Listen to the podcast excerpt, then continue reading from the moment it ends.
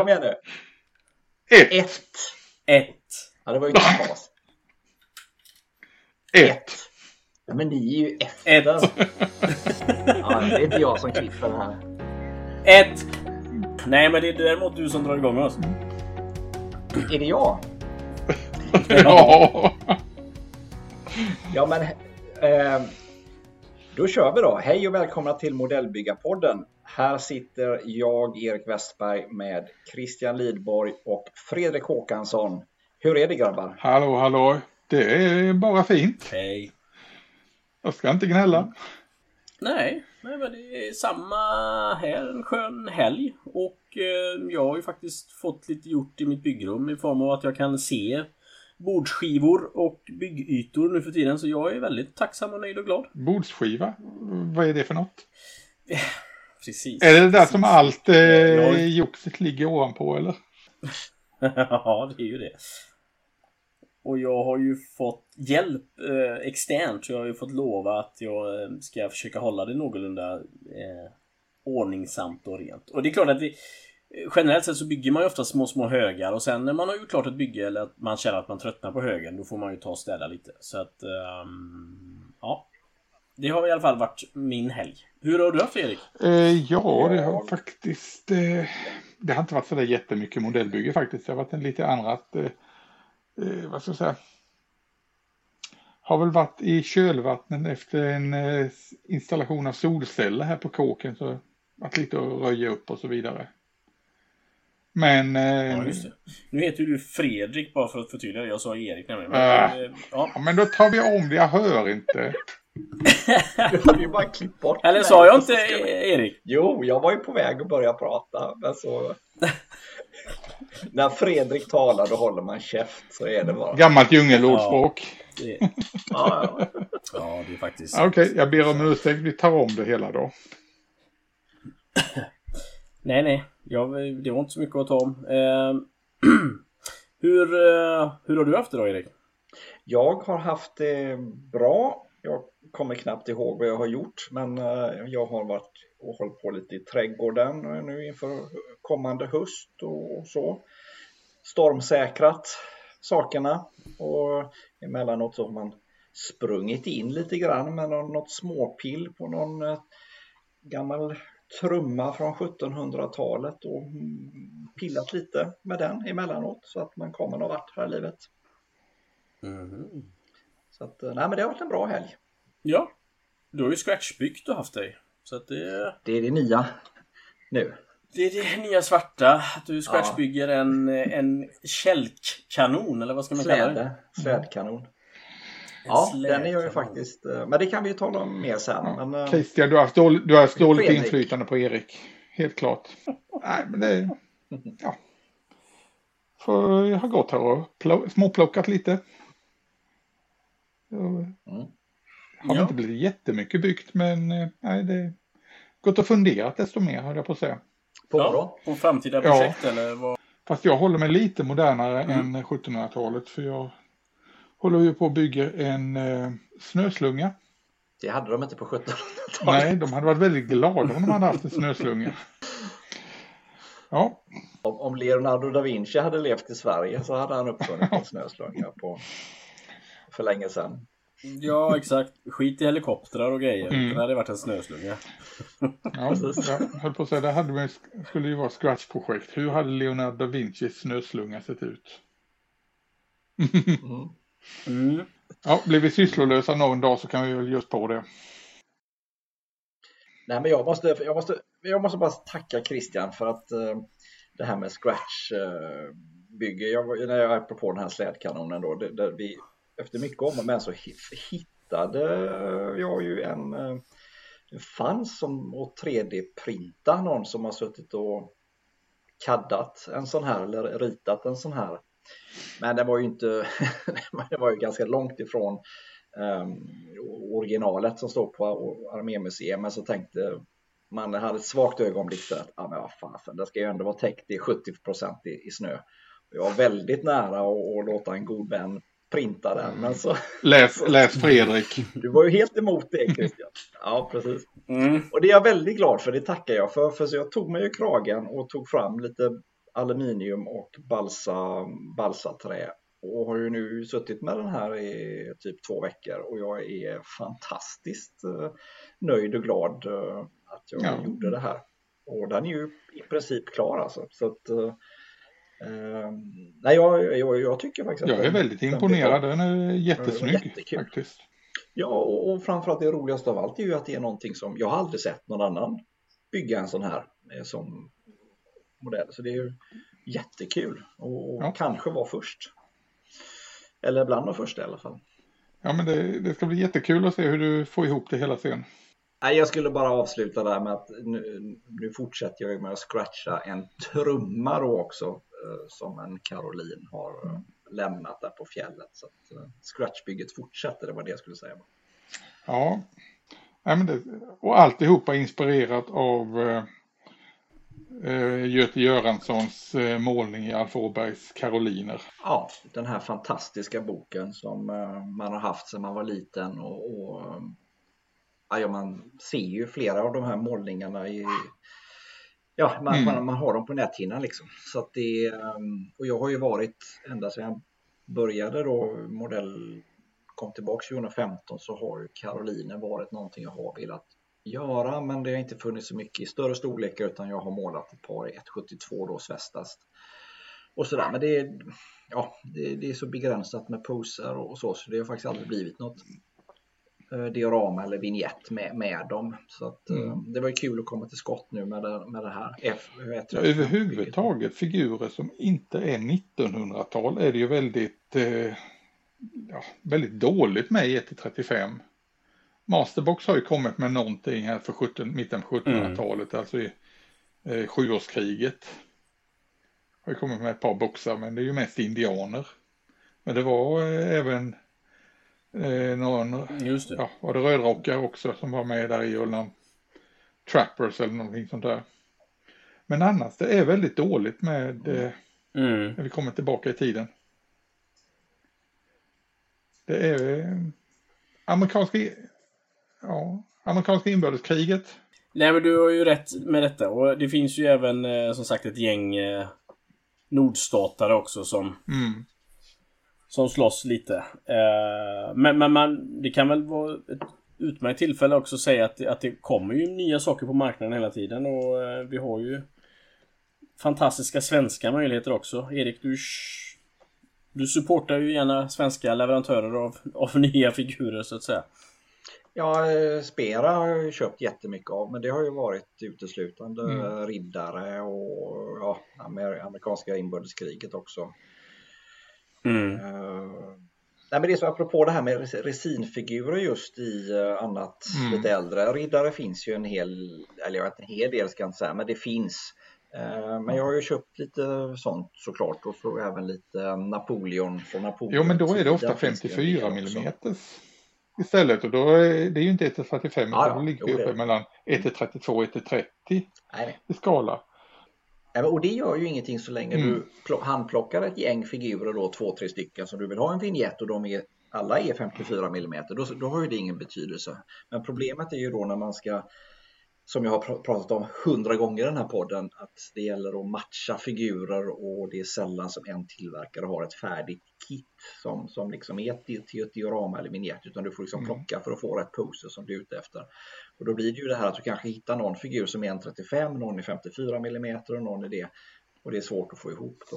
Eh, man önskar att utbudet var lite större i respektive skala. I och med att 54 mm skalan, i och med att den bygger på liksom att 54 mm är upp till ögonhöjd på en gubbe ungefär.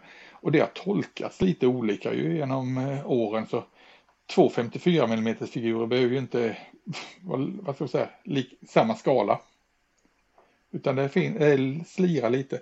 Men jag tänkte just på det här med att eh, nu har det då dykt upp en hel del första världskriget, injektionsljudet eh, när det gäller figurer och så vidare. Det är ju särskilt eh, ICM som har gjort en massa figurer där. Men även eh, Masterbox och eh, det känns som att det, det har väl dykt upp lite. Och sen har vi då tillbaka till amerikanska inbördeskriget. Är det, jag funderar på, är det så att eh, andra världskriget börjar bli uttjatat, folk börjar titta efter nya saker eller man försöker leda in mark eller marknaden försöker leda in oss på, på nya områden.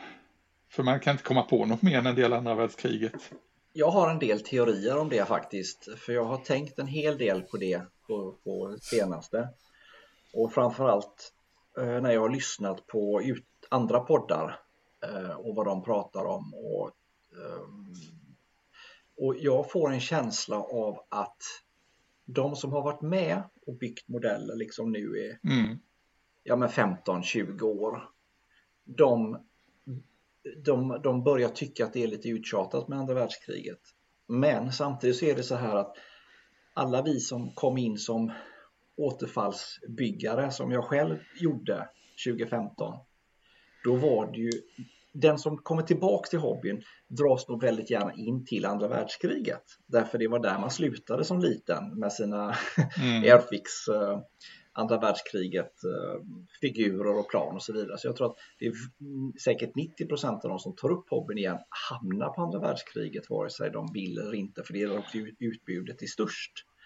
Ehm, så jag tror att det kommer alltid finnas en marknad för det men för de som har varit med väldigt länge då är det uttjatat. De, de vill hitta nya grejer och se nya mm. Eh, skapa ja. nytt och se nytt så att säga. Ja, men det som talar för det du säger det, Erik, det är ju just att eh, på senare år det har dykt upp eh, system som vi har Copper State till exempel som är första världskriget framförallt ju.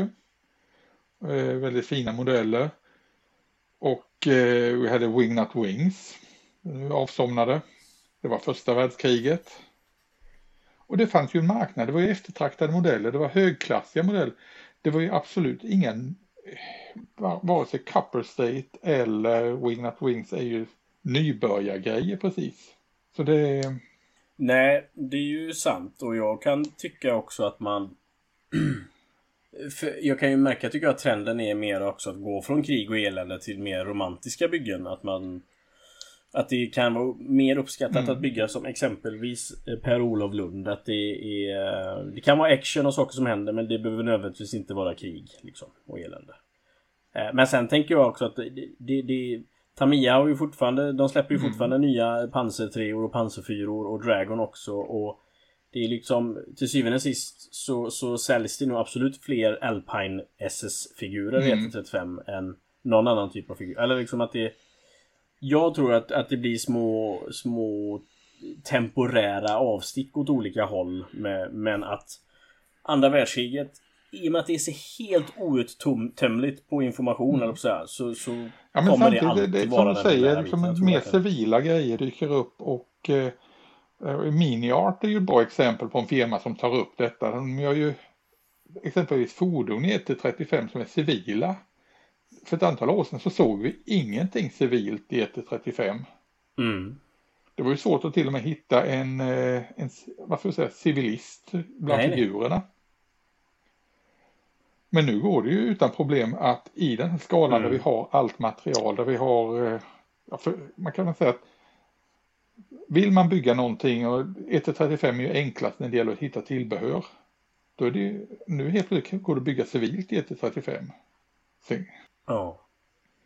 Men det görs fortfarande alldeles för lite civila figurer i EN35. Jag, jag, jag, jag tror jag, jag är jätteförvånad att ingen tillverkare gör mer kit med bara civila figurer som är i uh, lite lagom. Och det menar jag inte civila figurer mm. som är byggda för att passa för att sitta i en spårvagn eller någonting. Alltså folk som går och står och gör någonting liksom mer än bara stå rätt upp och ner mm. också. Det, barn som leker är ju väldigt tacksam för där kan du göra i olika poser. De kastar mm. kula, hoppa hage, mm. gungar eller vad som helst. Mm. Där är det outtömligt vad, vilka poser du kan göra med barn. Men Erik, du köpte väl eh, AKs serie, eller ask med barnfigurer va?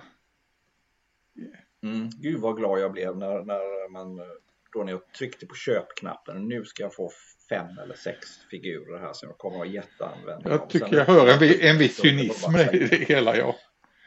Det var ju bara förminskade. Ja, det var ju bara, ja, det var ju bara vuxna kroppar som var förminskade så proportionen var ju helt fel. Mm. Har man tur kan man använda det är tråkigt, det är tråkigt. av ansiktena. Nej, jag var ja, så besviken. jag trodde annars att de var liksom något på spåret när, där när de började komma dels med de här krigsfotograferna och sen hade de sina technicals när de kom ut med de modellerna. För de såg ju väldigt, det såg väldigt trevligt ut. Ja, jätte, och jättebra. Jättebra. Mm. Nej men det, mm. just det här du säger civila, lite olika påsar. Alltså, skulle vilja ha kanske i så fall en, en med eh, ja, typ de här gamla Airfix multipose-figurerna. De var ju GT32 visserligen men att civila man kan posera på lite olika sätt. Mm. Det hade varit eh, intressant. Ja, men likväl som man köper gul, röd och blå och svart och vit färg så borde man ju kunna köpa, som du säger, eh, grundutförande på kroppar, eller så, så man kan limma armar åt olika håll och vänster. Och, jo, och men det kan, kan du göra faktiskt. Det kan du. Eh, tyska Pricer har sådana figurer. Sådana här ja. stu eh, studio nudes som det heter. Mhm, okej. Okay. Men eh, de är inte så jättelätta att få tag på i Sverige, men det går att få tag på ja, okay. 35-skalan vet jag. Som du kan sen eh, ja, utgå ifrån. Men alltså det här med en mm. figurer som man själv kan böja på ben och armar. Alltså det, det hade ju varit men det... dröm verkligen. Ja. Mm. Som gjorde ett material som du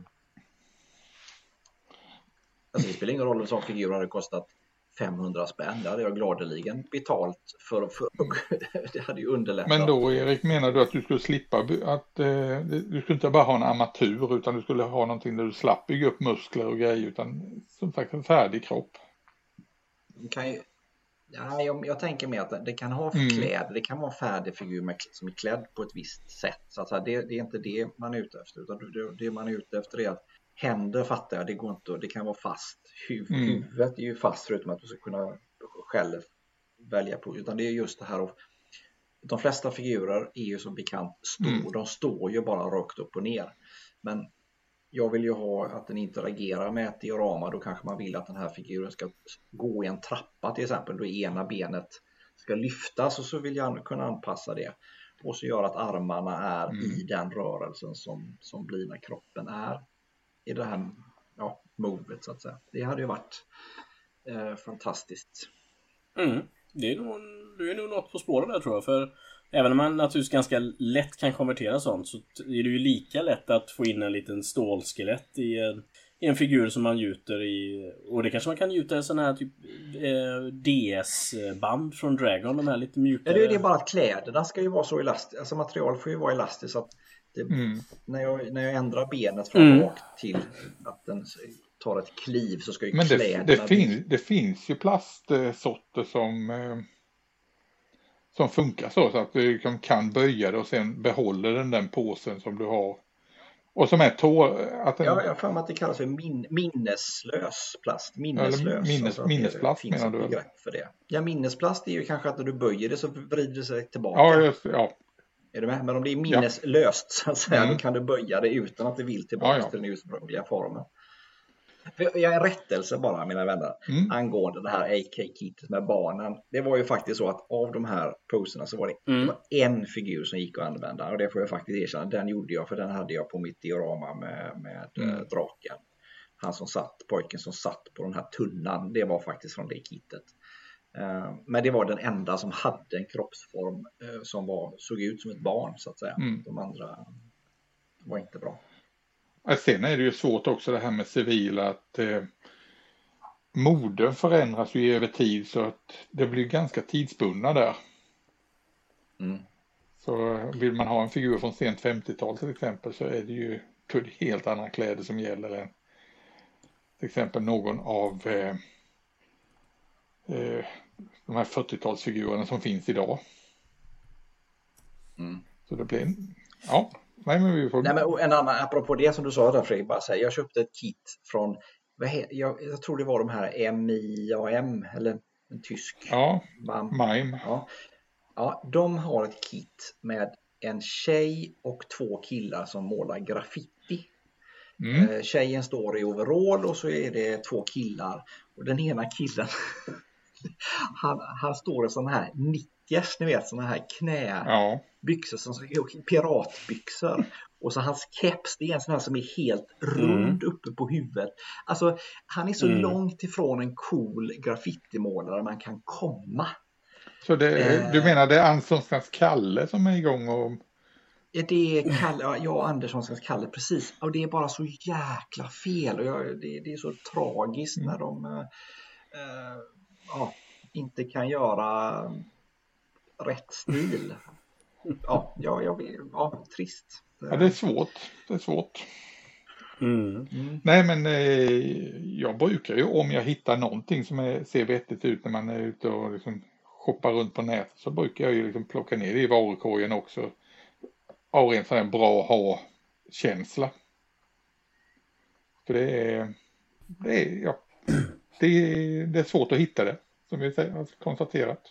Nej, men och, och, och eh, också det med ansikten. Där man, det finns ju mycket hornethuvuden och så mm. som är med vuxna. Men där är jag också förvånad över hur klent utbudet är med barnhuvuden så att säga. Mm. Om man vill byta ut då till Ehm, de här MBs eller miniart eller whatever, om du nu har barn så, så är det ofta då att man vill ha bättre kvalitet på, på ansiktena. Men det är förvånansvärt få huvuden att tillgå till barn. Nej, jag kan hålla med dig.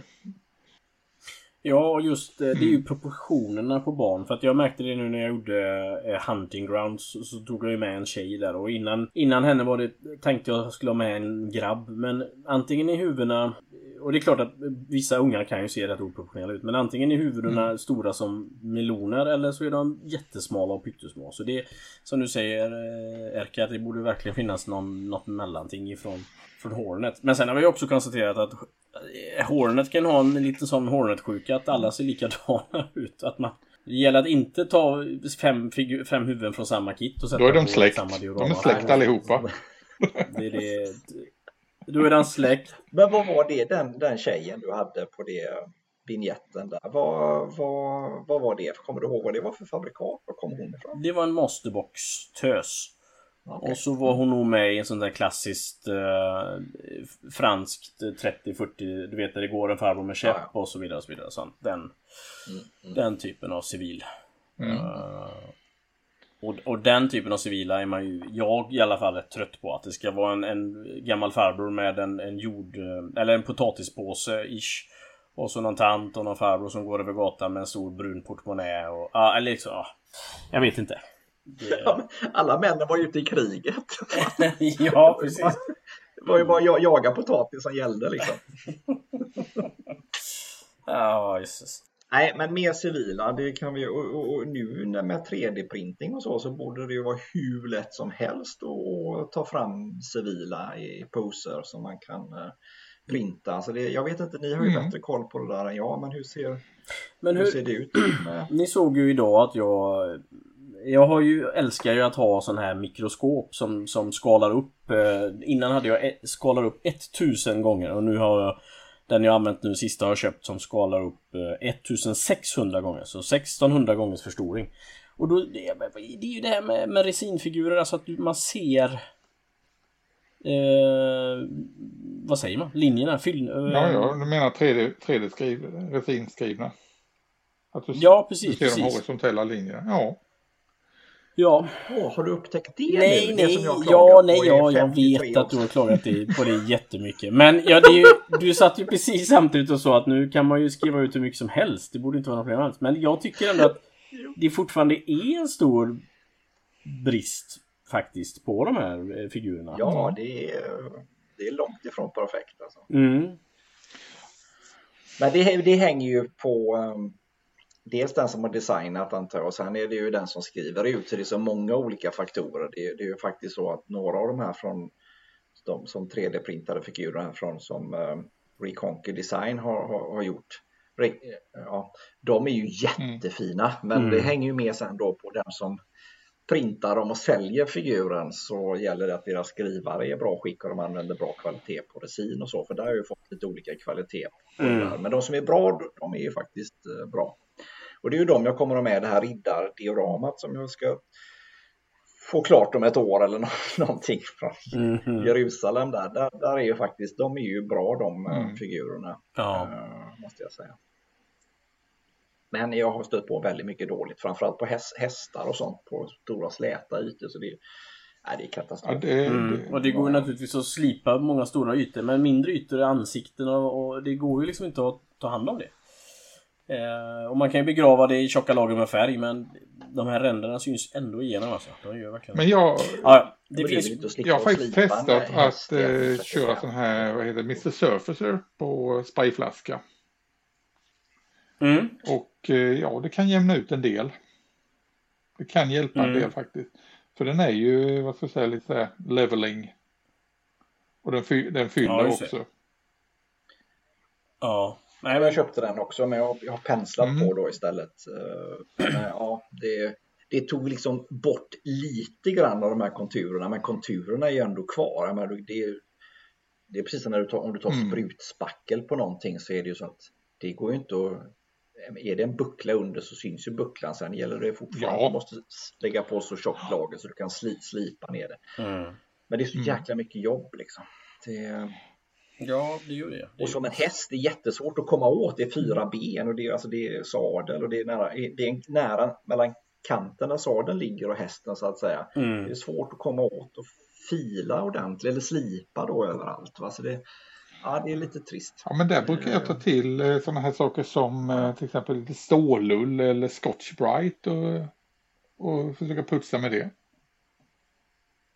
Ja, de ränder jag har råkat ut för, där får du ha ett eh, hundra Oj, så, så grovt?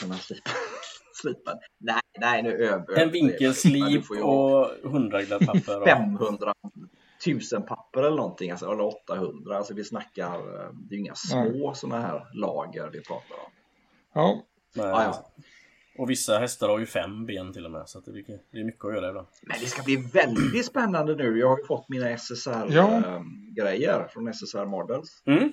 Som jag köpte från Modelcraft. Jag har inte, jag har bara tittat på påsen. Jag har inte klippt upp eh, pinnarna och det här än så att jag, jag vet inte. Nej, du kan jag få låna mitt eh, mikroskop om du vill här. Så kan vi... Nej, jag, jag, jag blev väldigt glad alltså att eh, SSR Models att de kom med de här eh, svenska soldater i M59. Det, jag tycker det är mm. berömvärt eh, initiativ. Jättebra. Jag blir jätteglad alltså. Mm.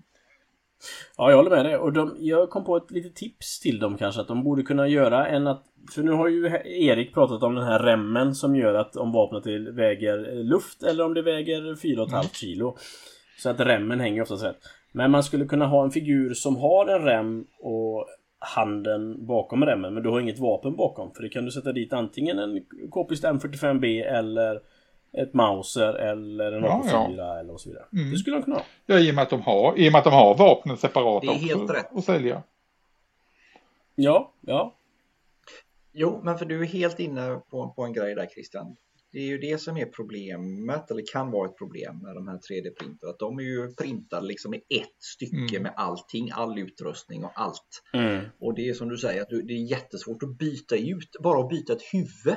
Du måste liksom knipsa av det här och resinet, det är bara pang. Det kan bli... Mm. Ja, det är sprött. Ja. ja det, det, det, är sprött liksom. Det kan ställa till problem. Jag hade velat att huvudena var, var lösa, liksom. man får sätta dit dem. Du kan du byta ut huvudet om mm. du vill, mm. eller måla mm. det separat också. Men precis det du sa där med, med om det är vapen att eh, printa dem löst och så kan man själv sätta dit dem med sista touchen för då, då kan man ju ha en ärlig chans att byta ut dem för det kan bli jättemycket jobb och, och slipa bort och, mm. skära bort och så det här resinet är så sprött så det är hopplöst. Ja, nej, det är sant. Så det, det är ju en tanke. Det är en tanke. Och Al Alpine skickar ju gärna med två huvuden också. Kanske ett med någon eh, cool hatt och ett med någon eh, mer arbetarmössa eller på så här. Så ja, det, men det finns ju mycket att, att lära från varandra. Mm. Eh, helt klart.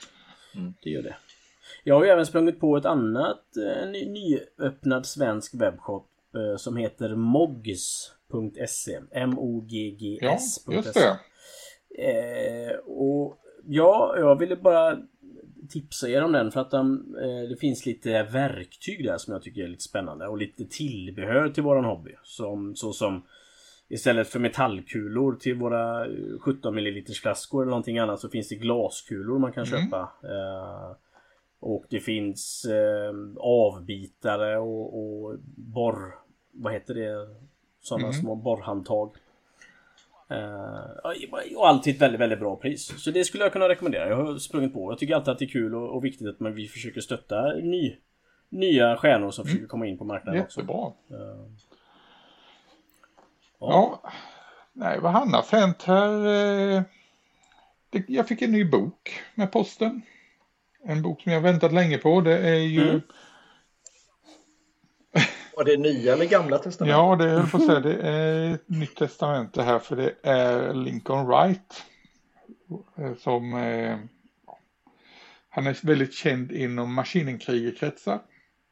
Han har väl av, eh, han har vad ska jag säga, mm. jobbat för Kao Yokoyama och eh, är hans lärjunge så att säga. Ja, det är, det är lite religiös ja. kult över, över hela maskinenkriget. Nej, men han har ju gett ut, för ett år sedan så kom den första Maskinenkrigerboken på engelska. Alla andra böcker innan om Maskinenkriger har getts ut på japanska. Men Lincoln Wright gav ut den första på, och mm. nu kom volym nummer två. Det är alltså jättefina sådana här artbooks mm. med dessutom lite målningstips som man får reda på. Den nya heter Luna Combat. Och där går han igenom eh, mm. alla de här olika eh, meckarna och eh, suitsen som används i eh, rymdstrid enligt det här maskinenkrigaruniverset. Och det är mm -hmm. stora maffiga illustrationer. Och alltså, jättefint och Lincoln Wright han är ju en eh, gudabenådad eh, konstnär när det gäller det här. Han, väldigt, väldigt, väldigt duktig mm. på vädring. Och Vad sa du boken hette då? Den heter Luna Combat. Luna Combat. Mm. Ja. Men, ja. men de, de bilderna du visar där Fredrik, var det en var det, det är en modell han har byggt. bild han har målat eller är det en modell han har fotat? Och eh, ja. det är lite roligt med Lincoln Wright att eh, han har, för jag har lyssnat på en hel del intervjuer med honom, han kör ju eh, all målning med pensel. Och målar, målar, målar eh, med lackerfärger. Med pensel. Mm. Ja. Och är väldigt, väldigt duktig på det. Får till väldigt fina effekter. Så... Eh, cool. Nej, det är, det är roligt och sagt så när den boken dök upp. Ja. Hoppas han fortsätter det här projektet. Mm. Ger han några tips på vädring och så eller är det mer att han, man får bara njuta av hans konst eller? Det... Nej då, det är, det är en hel del tips på vädring och målning och sånt där också i det. Mm. Blandat. Mm. Och eh, ja, dessutom en hel del av eh, historien bakom maskinen Kriger. Och hans samtal med Kao Yokoyama om maskinen Kriger. Mm. Så det är lite, lite roligt och en sån där kul sak när det gäller många av de här science fiction grejerna är att ja, finns det ett universum och allting så strävar ju alla efter att verkligen hålla sig till eh, vad ska jag säga, den kanon som gäller där. Mm. De ska se ut på ett speciellt sätt och så vidare. Men eh, Kao Yokoyama han har ju kört det här liksom att eh, ja, gör, gör som ni vill ta ut svängarna. Ja. Det är liksom han som har skapat konceptet. Han säger ta ut svängarna, gör något kul av det hela. Och det tycker jag, det, kän, det känns befriande. Helt enig. Och det är ju lite så man själv när man bygger och så när, när det, det, det medger ofta någon liten sån mm. konstnärlig frihet när det är eh, Panzer 46 eller mm. när det är lite science fiction och så vidare. Och så, vidare. så att generellt sett så uppskattar man ju sådana bygder man kan skena lite. Ja. Nej, han eh, sa ju då eh, eh som Lincoln återger här att eh, Kao Yokoyama sa Make them yours. Gör dem till era egna. Mm. Mm. Och det, cool. det tycker jag är en sån där verklig grej vi kan ta med oss. Vad vi än bygger, även om det är, vad ska jag säga, andra världskriget så ska vi ju lägga vår egen touch på det. Mm. Du har helt rätt. Ja men vad kul, fin bok. Då är det ändå åtta personer i Sverige som är jätteglada nu. Mm. Uh... det, var en viss, det var en viss cynism där ja. Erik, du har också be, be, belönats med böcker det sista. Ja, jag, ja, men jag sitter här och fingrar på mästaren Mike Blancs Color Harmony. Mm. Eh, den har jag några år på nacken nu. Eh, men jag är ju ruskigt eh, imponerad av Mikes byggen. Det är ju mycket mm. karoliner och mycket riddare. Ja, det är, väl, det, är väl, det är väl den enda boken av, av honom som går att få tag på nu egentligen.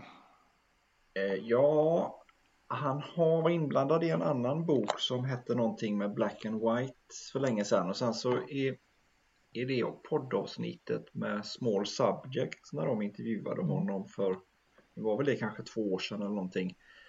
Då pratar han om att han håller på med ytterligare en ny bok mm. med Scale, Scale 75 då som utgivare. Men jag har inte jag har inte sett något om den än så länge. Men den här boken? Den här, mm. Den här boken rekommenderar jag varmt.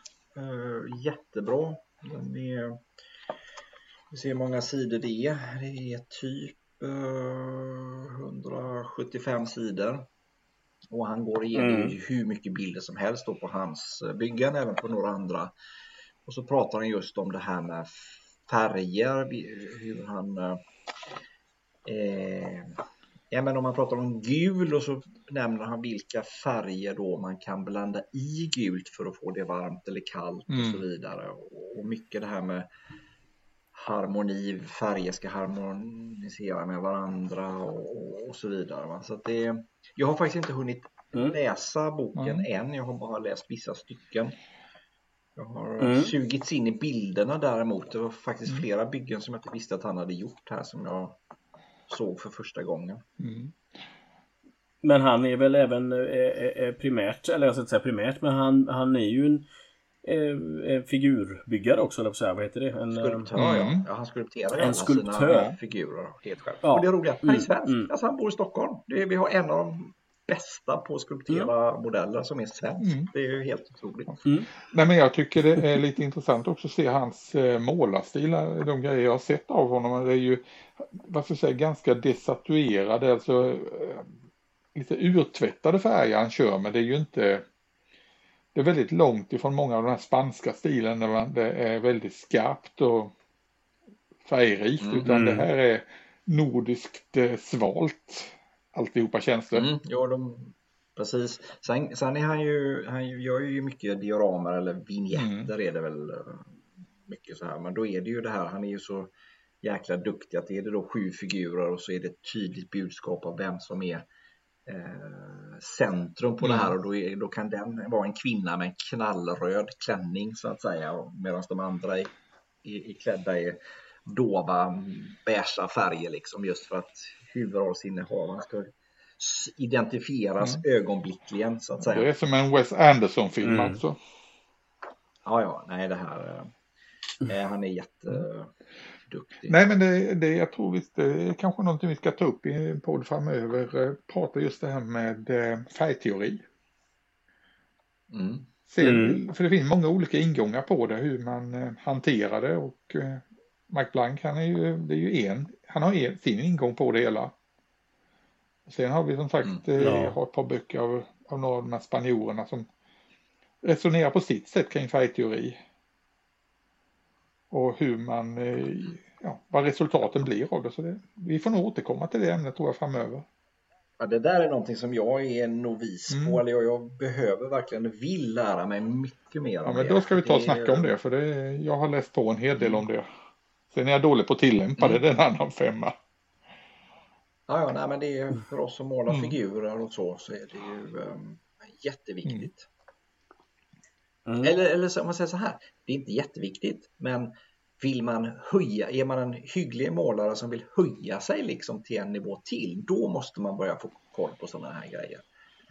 Mm. Ja, för det handlar om, mm. som, ja, det, kan ju vara små, ja, det handlar ju om det som eh, titeln på Och Mikes bok är color harmony, färgharmoni helt enkelt. Att det ska ju, det ska inte skära sig, det ska vi är, våra hjärnor är liksom programmerade på ett sätt så att vi tycker vissa saker är harmoni, andra är, är inte harmoni helt enkelt.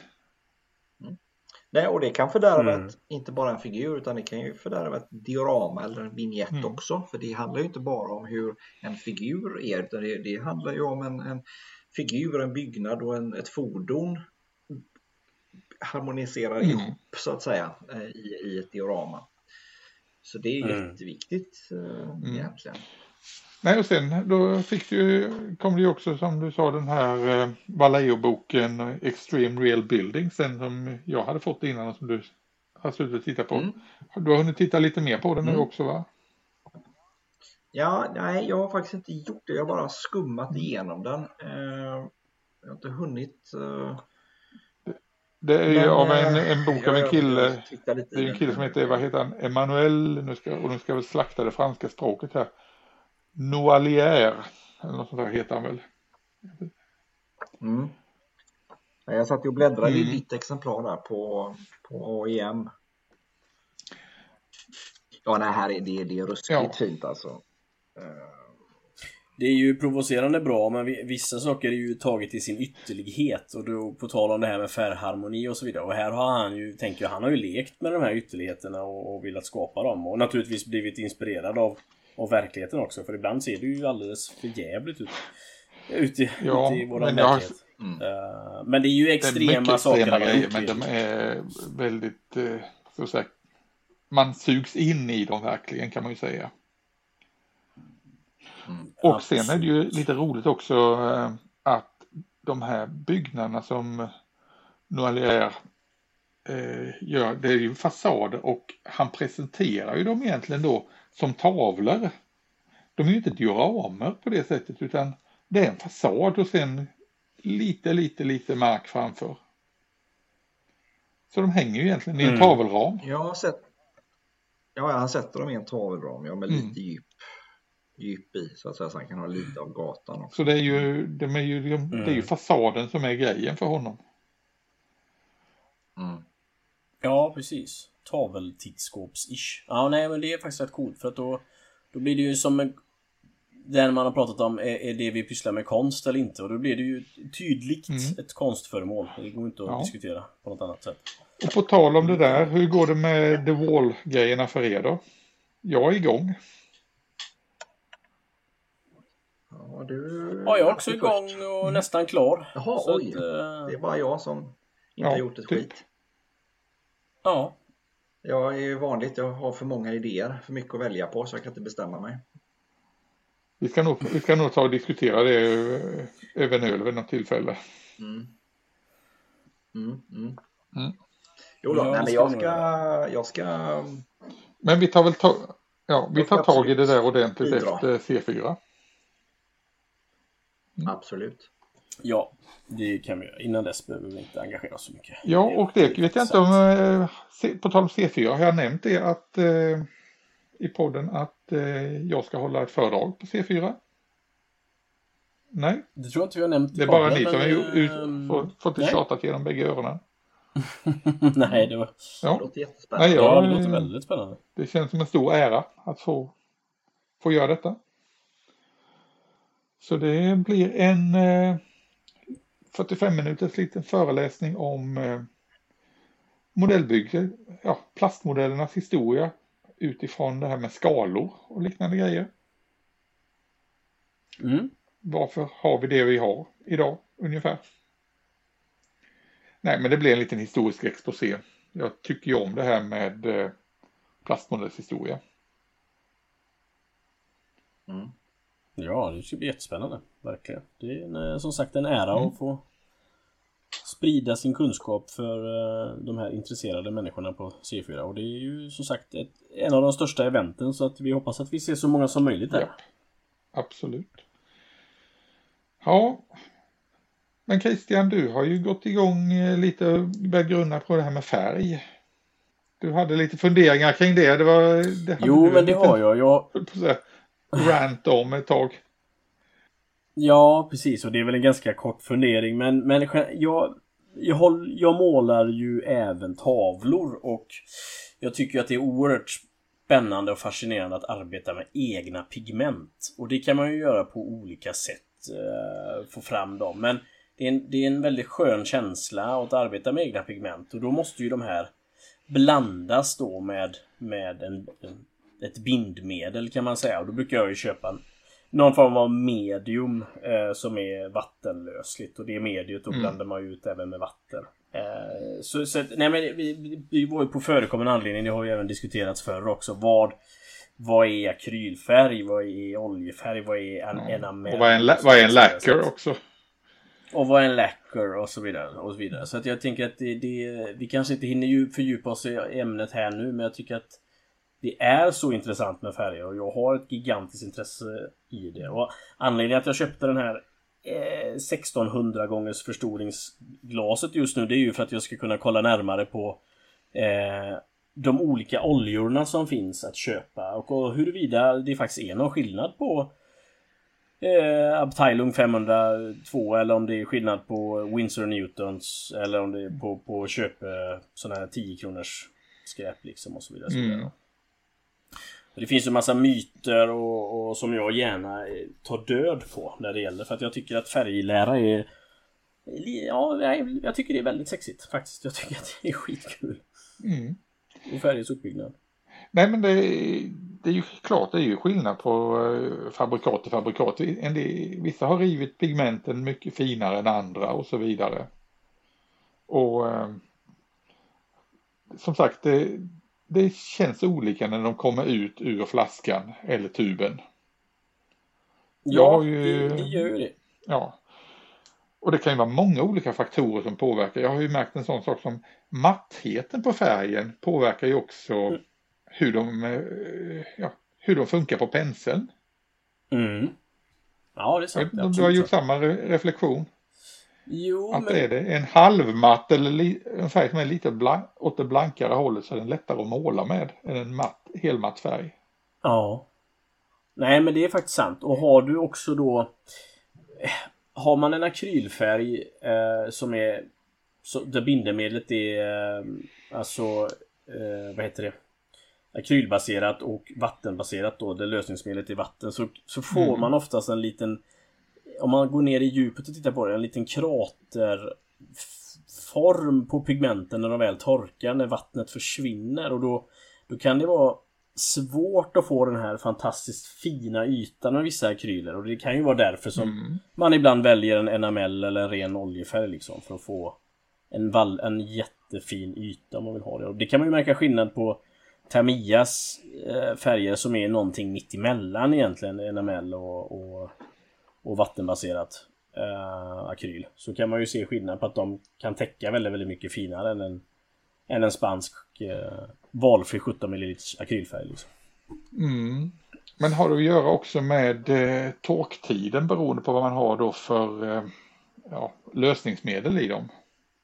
Ja, det kan absolut ha med det att göra. Men sen är det ju även också de här... För jag menar, konceptuellt så är det ju fyra delar. Alltså tre till fyra delar beroende på. Och det är ju ändå pigment, mm. bindemedel, lösningsmedel. Och sen är det ju då om det är några tillsatser. Och då, då kan ju det vara eh, emulsionsdelen som kan vara just att du kan ha en, en vattenbaserad olja. Och då är det ju för att, att emulge, eh, emulgeringsmedel som gör att man kan slå sönder oljans eh, mm. partiklar och, och, atomer så att de kan blanda sig med vatten då i mycket, mycket, mycket, mycket små faktorer. Och det är klart att det, det, det, sånt påverkar ju torktiden också och hur det torkar. Så att... Mm. Eh... Ja, jag, jag, ty, jag tycker det, man märker det mest på eh, klarlack av olika slag. Mm. Där tycker jag märker en väldig skillnad hur, hur blank och fin man kan få det. Det, det med blanklack, det, har, det är ju vad ska jag säga, min stora skräck jämt och sen så jag har ju experimenterat en hel del med det genom åren. Ja. Och eh, jag kan väl säga att jag tycker ju, jag är inte så imponerad av klarlacken från till exempel Vallejo eller Ammo, de, de här Nej, vanliga akrylbaserade akrylfärgerna. Mm. Men eh, Tamias däremot, den är mycket, mycket lättare att applicera och jag tycker den blir, får en finare yta, blankare yta helt enkelt. deras mm. blanka klarlack. Eh, nu, nu, nu, nu tar jag liksom och fokuserar just på den blanka delen. Ja. Och nu skulle jag ju då ta, för att ta ett praktiskt exempel här, den här lilla eh, snöslungan som jag håller på med. Den, mm. är, den ska ju vara blank i början innan jag tar och vädrar ner den. Så jag tänkte okej, okay, jag börjar med att jag ska ha en röd, snygg röd blank plåtyta på den. Mm. Men då läste jag på lite, vad fanns det för någonting? Och då hade jag ju bland annat den här eh, MRPs tvåkomponents är ju ett alternativ. Det är ju det som bil, många bilbyggare använder. Ja. Och eh, ja, jag hade en sån stående hemma fast då hade ju härdaren faktiskt eh, blivit gelé. Så den var ju inte alls rolig att hantera. Mm. Då. Så då, då gällde det att hitta någonting annat. Men då kollade jag lite så att eh, Mr. Color har ju faktiskt någon som är sliperbar också. Och då är det en lacquer. Mm. Ja, ja. Som heter Super Clear 3. Ja. Så jag testade den och um, använde då sån här uh, eh, Mr. Color förtunning, sån här Leveling Thinner 400 till detta. Mm. Och det var ju jäklar vad rolig den var. Den var ju inte, den var inte rolig på det sättet att den, det luktade lite illa och det var ju det var inte så kul att jobba med på det sättet. Men nej, resultatet, nej. herre gisses vad fint det blev. Ja. Och den var ju, ja, men det kan tänka mig. Den, den var ju blixtsnabb på det sättet också. All right. För det är klart att, som vi pratade om innan där, så fin det finns ju det finns ju begränsningar i en akrylharts som är vattenbaserad. Ja. Hur, hur bra man kan få det. Så som mm. du säger, då får man ju faktiskt gå, vill man ha en annan yta så får man gå på, på läcker eller um, oljebaserade saker liksom som Ja för det måste ju vara någonting med, lösning, någonting med lösningsmedel som gör och eh, som sagt tillsatser, att man kan ha sådana leveling thinner och liknande. Mm, jag tror precis. det påverkar en hel del hur vi kan eh, hantera det här med färger. Ja, men det är jag helt säker på. Och just mm. få ihop både bindemedel och lösningsmedel också med eh, emulgeringen där så att säga. Att, det, ehm, att de binder sig på ett snyggt sätt. Ja, vi kan ju prata mycket om detta. Det var bara mm. en liten ehm, eh, passus. Men jag, jag, har nog, jag har haft tankar på att börja göra... Pigment har vi ju allihopa hemma. Men mm. att börja göra vissa grund, grundfärger själv. Eh, eh, faktiskt. I form av pigment och eh, medium då som man kan köpa på Panduro Hobby eller andra ställen då. Mm. Eh, jag är lite... Ehm, jag ty skulle tycka att det var nice. Jag vill kunna scratchbygga mitt hus och jag vill kunna ha gjort min egna färg till det. Uh... Ja, ska du gå ner bara då, men ja, egentligen du kommer ju ganska långt alltså med bara några få grundfärger. Du behöver ju inte ha så mycket färger utan ja. kan blanda allting från några grundfärger. Men det är ju, du ska bara hitta ett pigment då som är tillräckligt fint rivet. Eller mm. om du börjar sätta det och och så med en färg, en sån här pigmentrivare av den gamla sorten i glas och börja riva pigmentet själv. Just så, precis. Och... Uh... Sen är det ju smidigt med de här färdiga burkarna. Ja, Erik, du har, du har, ju, kommit, du har ju kommit in nu och eh, trillat in i Scale 75-träsket ja. eh, där, precis som jag. Du har testat deras färger. Ja, Ja, nu har jag köpt ehm, Jag har köpt fyra kit eh, Ett var med metallfärger, ett var med gröna, ett set med gröna färger med för att måla en skog mm. och lövblad och löv och sånt här. Eh, och sen var det lite olika blåa färger som jag jagat som fan. Jag har provat att blanda mycket blåa färger till mina de här, mm. jag har några nordstartare mm. som jag ska göra i Iran mm. jag håller på med. Aldrig lyckats få till mm. rätt uh, blandning. Man utgår ofta från den här Prussian Blue, Prussian, ja. Vad? Prussian mm. Blue.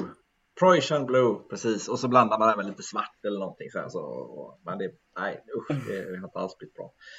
Så att nu har jag köpt en massa mm. blåa färger och testat lite med samband här nu med Karoliner bygget också. Så nu har jag nog lite mer, du... lite bättre mm. förutsättningar att lyckas.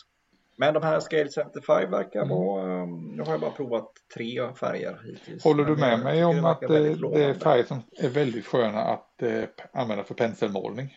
Mm, mm. Ja, nu, nu, skulle jag nog vilja testa lite mer innan jag säger för mycket. Men eh, jag, det, det kan mycket väl stämma, men jag, jag vill testa lite mer innan. Jag, jag, jag, verkligen, jag verkligen gillar dem för penselmålning.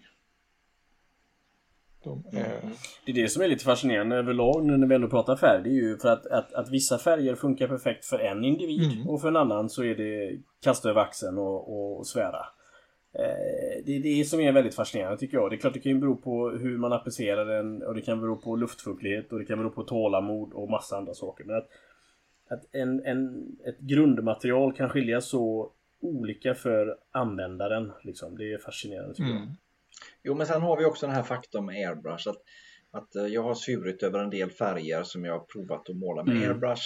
Och, och, det har inte blivit bra och så har jag insett kanske sen då att ja, men just det fabrikatet är inte optimalt för mm. airbrush. Uh, mm. Det är kanske bättre att använda pensel. Uh, så att det, det, det, de är ju bra på olika saker. Ja, eller så mm. just när man ska airbrusha en hel del av de här färgerna så då, då verkar det vara någonting just med den här förtunningen. Att de verkar vara mm. optimerade mm. emellanåt till sin egen förtunning. Jag har till exempel märkt att min erfarenhet, och det vet jag inte om den stämmer med andra, att Valleos förtunning med AKs färger till exempel funkar dåligt. Det är bättre att köra med AKs egen förtunning mm. till AKs färger. Och polska, polska, polska ja, Hataka-färgerna, de jag var ju gråtfärdig ett tag där ända till jag köpte deras egen förtunning. Och helt plötsligt, ja, de då löste ju allting sig. Egna, ja. Nu tycker jag de bara är helt mm. underbara färger att airbrusha. Och då pratar mm. jag om mm. deras akrylvarianter. Nej men det är sant. Ja. Och Tamiya med XF20 också. Det är liksom... Det finns inte mycket annat egentligen som gör dem mest Nej. Så, ja. Har blandat du dina Tamiya-färger med vatten? Ja, du, när du säger så Erik, då går jag tillbaka liksom till de här mardrömmarna man hade när, när jag började airbrusha Tamiyas eh, färger och blandade dem med vatten. Mm. Nej, det, det, det, vill jag inte gå tillbaka till. Där... Nej, nej. Men jag, jag, jag får bara säga, jag, är ju, jag har ju så mycket kvar att lära. Och eh, då när jag började och airbrusha så då hade jag inga Tamaya-färger utan jag använde ju de här spanska liksom. Och jag var aldrig riktigt nöjd. Det blev mm. aldrig riktigt bra. Jag, jag fick inte till det och så plötsligt så läste jag liksom folk skrev många som använde Tamaya mm. för airbrush. Men inte Nej. för att pensla då utan bara för airbrush. Och så började jag köpa på mig lite Tamaya färger. Och deras bland X, vad heter den? X20. X20. Bind, S, precis. Och började blanda där. Mm. Och, och, det är en dröm nu att airbrusha med mm. Maya-färgerna. Alltså mm. jag, är, jag är så lycklig när man tar fram sprutan och lägger på någonting när man använder Maya-färger. Ja. Det, det, går liksom inte att misslyckas. Ja, det enda jag inte gillar där är som sagt att de är en burk med lock. Jag hade ju tänkt man hade fått ha dem på sådana här 17 ml eh, droppflaskor istället. Vad mycket enklare det hade varit då. Jo. Mm. Ja, nu får man ju stå med en sån här mm. träpinne och doppa och så droppa ner i. Um, så det, det, det, man förlorar mycket färg på de här pinnarna ja. man för att droppa i. Um, det har de, det har de räknat ut alltså. Då... Men eh, sen, mm -hmm. hur gör ni? Använder ni bara vatten eh, när ni penselmålar med akrylfärger? Och, för tunn, och tunna med eller? Nej, jag brukar nästan alltid använda min egenblandade eh, ja, typ airbrush thinner. Alltså det är ju i princip bara isopropanol och, och mm. batterivatten. Det brukar jag använda. Ja, för jag har en annan blandning faktiskt, faktiskt. när jag äh, penselmålar. Och det är att jag mm. använder äh, äh, ganska mycket, det är vatten i grund och botten. Men sen att jag har sån här äh, akrylmedium iblandat i vattnet. Mm. För jag läste vid ett tillfälle att ofta så när man börjar ta de här färgerna och ska ja, blanda ut dem då på våtpaletten så blandar man, oss, eller blandar man ut dem med vatten så långt så att eh, pigmenten håller liksom inte ihop längre. Färgen separerar. Och därför Nej. kan man behöva tillsätta medium. Så där har jag mm. en eh, liten specialcocktail som jag använder i de lägena. Ja, man hittar massor med sådana här, man hittar sådana här trick lite då och då. Men jag tror aldrig vi kommer men sen har man ju ibland har man ju retarder i också. Det blir också som en sorts mm. Eh, späj ut färgen lite grann. Ja, det är ju, eh, jag tycker det är alldeles mm. utmärkt just för att, eh, ja, som, som det står, eh, förlänga torktiden. Det är det den är till för. Mm. På, på gott och på ont. Och sen eh, som sagt så fort man ska börja använda den som glaze och liknande då är det ju flow improver som gäller i den för att eh, få den att flyta ut lättare. Mm. Jag har aldrig provat flow improver. Ja, det finns att köpa. Du kan köpa flow improver på, från eh, Winsor Newton brukar jag använda till exempel. Eh, mm. Annat gammalt trick är att i, i en flaska ta en liten droppe gäss eller liknande viskmedel. Alltså som, det handlar ju om någonting som ska bryta ytspänningen så att det kan flyta ut lättare i, i mm. fördjupningar.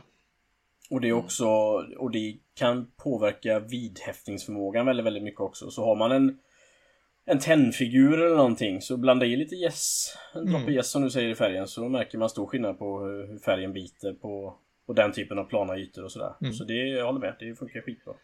I uh, de här airbrush thinners eller uh, allting som är, då är det ju uh, mikroskopigt liten del glycerol mm. i. Så att det är ju även med sånt i. Uh, mm. Men du dock, en, en avslutande grej bara just det här när det gäller airbrush som jag, som jag har lärt mig. Jag köpte faktiskt eh, från Badger, de hade någonting som kallas för needle mm. juice. Det vill säga någon slags olja att eh, smörja upp nålen och innandömet då av airbrushen och det funkar jättebra. För det har jag verkligen saknat för ibland märker jag att, inte att den rostar men man kan ju märka att det är mm. trögt där i och då kan jag dra någon Dra den mellan ett papper med vad heter det, typ rapsolja eller något sånt där organiskt. Men det här verkar ju spännande. Mm. Jag, jag misstänker bara att det är en vanlig mineralolja och att egentligen skulle du nog kunna använda ja, vanlig sån här låsolja eller liknande. Ja, men det är en väldigt cool tanke. Det, kän, det, känns, det känns som det är ja. någon slags mineralolja. Men den kommer ju räcka en evighet den här lilla flaskan. Hur applicerar du den då? Är det på nålen eh, även eller överallt tänker du? Eh, nej, jag har rengjort sprutan mm. och eh, tagit ut och torkat av nålen och tvättat av den. För jag brukar alltid då tvätta av den med eh, isopropanol. Mm. Och torka av den med det. Så innan jag sätter in den igen så på spetsen på, eller ja, precis där nålen ja, på spetsen eh, så tar jag liksom en droppe av det här och sen in med nålen då i sprutan. Så smörjer det upp innandömet och så vrider jag runt den ett par varv. Ja, det är perfekt ju. Ja. Och det, det, märker jag, märker faktiskt en skillnad att det är mycket lättare att eh, den, spott, den spottar lika lätt. Mm -hmm. Ja, coolt. Coolt, coolt, coolt. Mm. Ja, men vad fint då. Eh, Erik, har du några avslutande ord för dagen? Eller är vi... Eh, är du antingen sugen på att gå och bygga eller ska du gå och lägga dig? Nej, jag ska fortsätta med mm. min trumma. Så att jag är, har lite energi kvar här på veckan. Ser vi fram emot 23 bilder här nu innan vi lägger oss. Mm. Mm. Jajamensan, 23, 23 rapporten kommer som vanligt. ja, nu får alla ni insikt i hur vår vardag ser ut här. ja, alla, vi längtar till klockan 23 varje dag. Eh, tusen tack för idag mina herrar. Ja, detsamma. Tack så mycket. Vi hörs. Vi hörs. Yes, ha det fint. Hej hej. Hej då.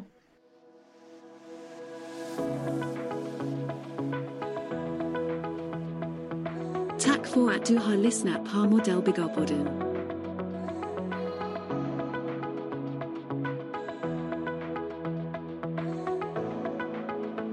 mod, mod, mod, mod, modellbyggarpodden. Mod, mod, mod, mod,